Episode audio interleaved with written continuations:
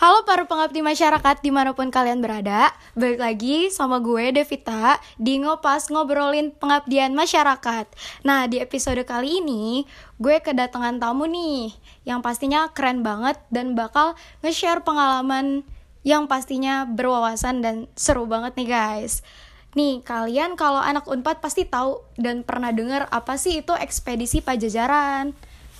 Ada yang udah tahu belum nih?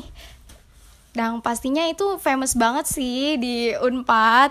Nah, maka dari itu, gue kedatangan nih project supervisor yang pastinya keren banget dan hebat banget dari ekspedisi Pajajaran, Kayoga dari Vapet 2017.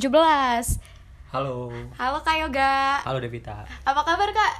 Alhamdulillah baik. Uh, gimana nih Kak kesibukannya belakangan ini?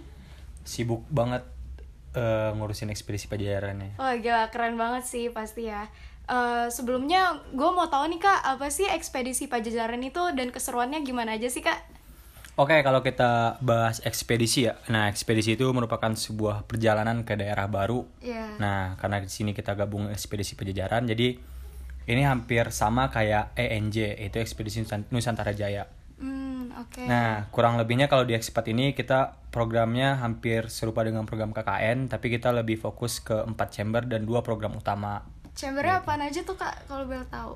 Oke, kalau chambernya kita tuh ada pariwisata, yeah. pendidikan, kesehatan, sama agrokompleks. Wah keren banget sih itu empat chambernya. Mantap pisan. Uh, iya, kira-kira boleh di spill nggak nih kak? Apa aja sih dari chamber-chamber itu dan apa aja sih yang mau dibawa?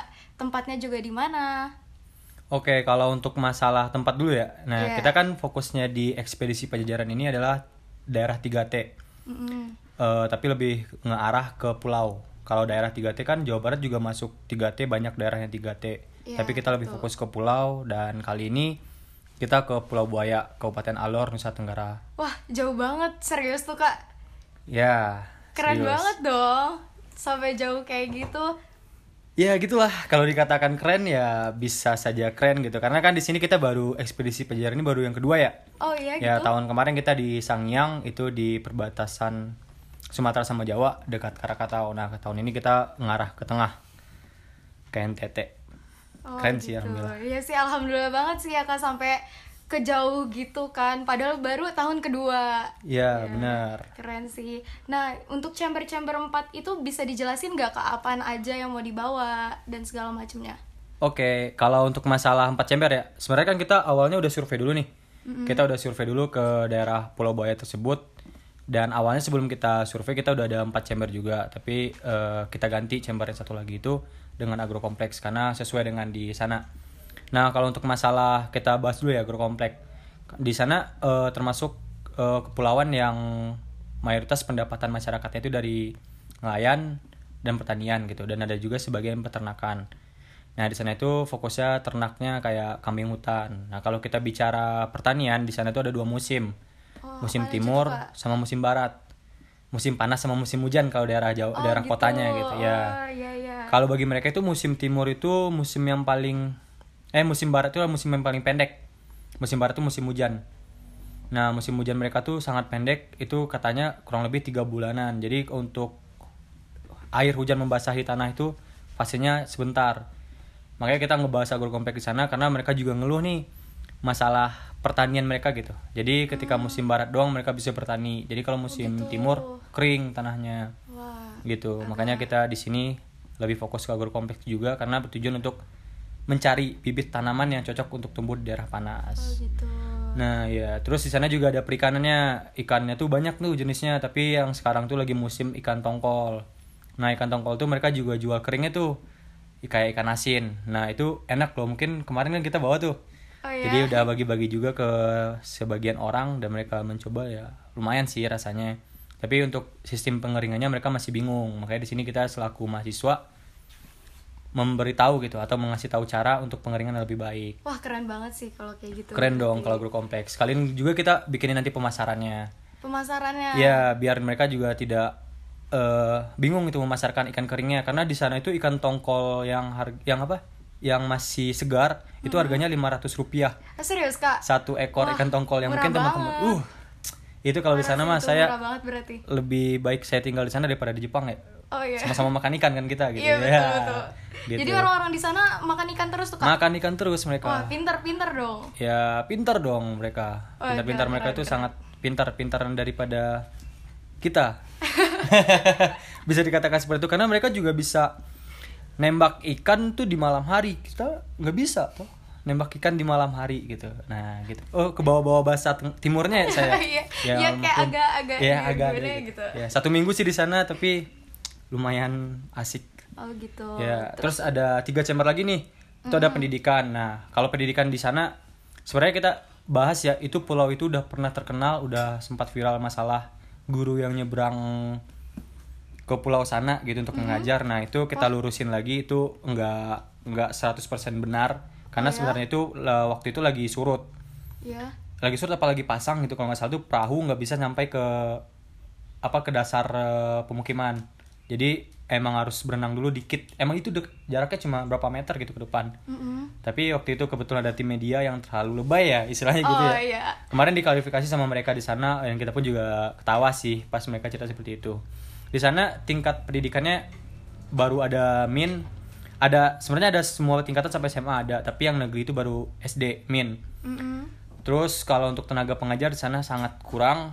Sangat kurang Ya ya. mungkin dilihat dari guru yang viral tadi. Mm-mm. Tapi minat belajar dari anak-anak tersebut sangatlah tinggi gitu karena di sana mayoritas eh, orang tua mereka yang punya anak misalnya udah umur 2 tahun 3 tahun langsung dikirim ke Jawa dimasukin ke panti asuhan untuk menempuh pendidikan. Oh gitu. Ya, Saking aware-nya Iya. sama pendidikan. Benar, mereka tuh sangat anak-anak mereka tuh harus berubah gitu. Jangan kayak mungkin mereka bilangnya jangan kayak orang tuanya gitu. Tapi ya minat minat seperti itulah yang sangat harus kita apres.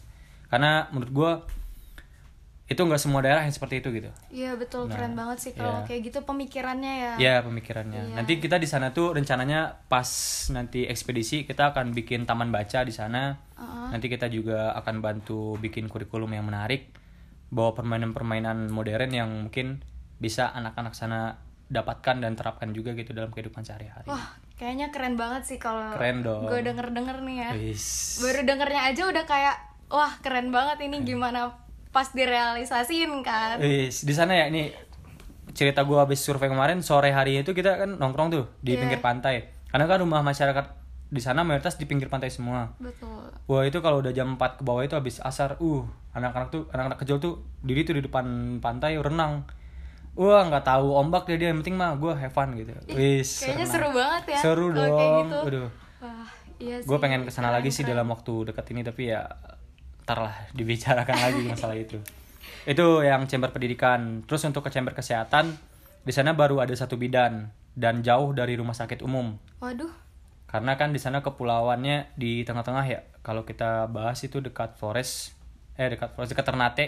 Hmm. Itu pulaunya kalau misalnya teman-teman bisa lihat di Google Map, lihat aja Pulau Buaya itu jauh dari pulau besar untuk rumah sakit umum. Nah, tapi di sana pas kita survei alhamdulillah masyarakat sana penyakit-penyakit yang DBD dan lain-lain itu minim. Minim ya. Ya, mereka biasanya cuma kayak eh, pusing atau pegal doang karena kan mayoritas nelayan ya. Itu doang penyakit yang biasa mereka dapatkan. Tapi di sana pun alhamdulillah kata bidannya untuk penyakit seperti itu udah bisa ditanganin.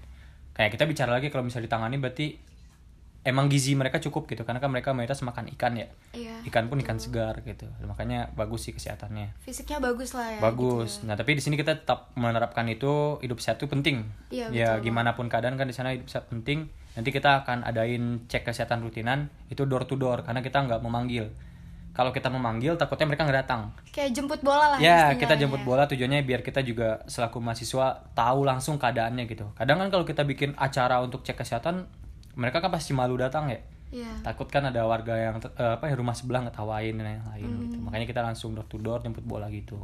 gitu. Gitu. Nah untuk chamber kesehatannya itu eh dari ekspedisi Pajajaran bawa apa nih kak?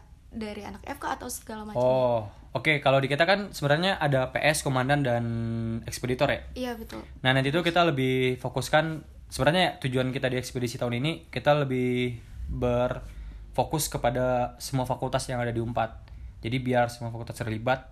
Jadi nggak ada yang satu fakultas yang hanya aja gitu. Karena tujuannya kan di sini kita satu Unpad berbagai macam rumpun ilmu untuk mengubah suatu daerah gitu nah jadinya akhirnya kita libatkan semua fakultas tapi kalau untuk kesehatan kita lebih emang lebih fokuskan untuk uh, fakultas kesehatan karena kan kita fakultas kesehatannya banyak tuh Iya, betul ada FKG, FK, FKOP, farmasi sama psikologi udah ada lima fakultas berarti udah banyak kurang fakultasnya gitu udah hebat banget lah ya gitu Ya, untuk makanya. tenaganya juga udah ada lah insya Iya. Allah lah ya dan apa pun kan Unpad kan sekarang eh, ranking kesehatannya kan tiga besar iya kan keren Makanya banget makanya jangan disia-siakan lah iya kesempatan betul gitu banget sih Terus satu lagi ada pariwisata. Nah, di sana sebenarnya pariwisata mereka tuh bukan nggak mau mengembangkan, tapi karena di sana 100% kulturnya agamanya itu muslim, maka masih kuat dengan itu gitu. Kemarin kita udah diskusi juga ada beberapa cara yang mungkin kita bisa bawa di sana. Yang pertama itu konsep eh, wisata muslim, yaitu kalau misalnya ada yang mau wisata di sana dari pulau pulau seberang sebelum ke pulau sana harus berpakaian bukan berpakaian muslim ya tapi berpakaian tertutup. Tertutup. Ya, Oh, karena kan sana juga banyak anak-anak ya. Gitu. Nah, nanti itu lebih disosialisasikan lagi dan sebenarnya awalnya kita ke sana sebelum kita survei kita akan bawain konsep eh simaksi pulau. Nah, tapi itu lagi dalam proses penyusunan kerangkanya. Oh gitu, keren banget sih ya kak ya. Kalau dari aku denger-denger nih, Hmm. kayak hebat-hebat banget tuh kayaknya eh, chamber-chambernya. Nah, untuk aku mau tanya nih kak, untuk opreknya buat staff-staff atau Oh. buat itunya ekspeditornya tuh gimana sih kak dan timelinenya tuh apa aja gitu? Oke. Kapan aja? Sebenarnya kita lebih kalau aku ya aku pribadi karena ya kita kan udah berapa kali mengikuti program seperti itu kita berkaca juga ya karena kan di sini mayoritas nantinya teman-teman yang ikut itu teman-teman mayoritas dari kota. Kan yang belum biasa minum air mentah dan yang lain gitu. Makanya di sini kita lebih kuatkan ke fisik sama kesehatan mereka. Untuk tahapan seleksi kita tuh banyak sebenarnya. Kalau aku jabarin dulu aja yang umum-umumnya aja ya. Cek eh, data administrasi terus eh, kesehatan sama fisik terus habis itu wawancara. Wawancaranya itu bukan satu tahap cuma ngobrol doang. Nanti ada beberapa tahapan lagi untuk benar-benar mereka tuh siap apa enggak gitu. Dan tuh dan pun sebelum kita berangkat kita ada pendidikan juga kayak binjas sama pendidikan permaterian masing-masing chamber. Nah sebenarnya di sana pun kita juga tegasin. Kita tidak ada kita tidak memilih orang manja. Kalau teman-teman pengen ikut ya teman-teman disiplin. Kita nanti akan sistem itu kita ubah dan kita bikin seketat mungkin. Jadi bagi teman-teman yang dinyatakan lulus itu belum tentu pergi karena kalau teman-teman nggak disiplin nggak memanfaatkan waktu dengan maksimal teman-teman bisa diganti gitu jadi kita emang kata takutnya aku berkaca dari tahun kemarin nyampe teman di sana banyak yang diare dan yang lain gitu itu kan masalah penyakit sepele ya diare gitu ya Iya. itu emang berarti emang teman-temannya nggak fisiknya nggak kuat dari awal aja gitu Oh gitu. Bisa, gitu. Berarti emang benar-benar difilter banget lah gitu Iya, ya. apalagi kan sekarang- bisa jadi ekspeditor di Iya sana. benar. Aku juga takut itu sih sebenarnya kesehatan karena kan di sana rumah sakitnya jauh. Ya kalau misalnya teman-teman mau ikut dan sakitnya parah ya nanti palingan dilempar ke pulau aja ke laut. Agak chaos ya kak. Susah di sana pun kita dari pulau besar ke sana itu lumayan 45 menit pakai perahu kecil.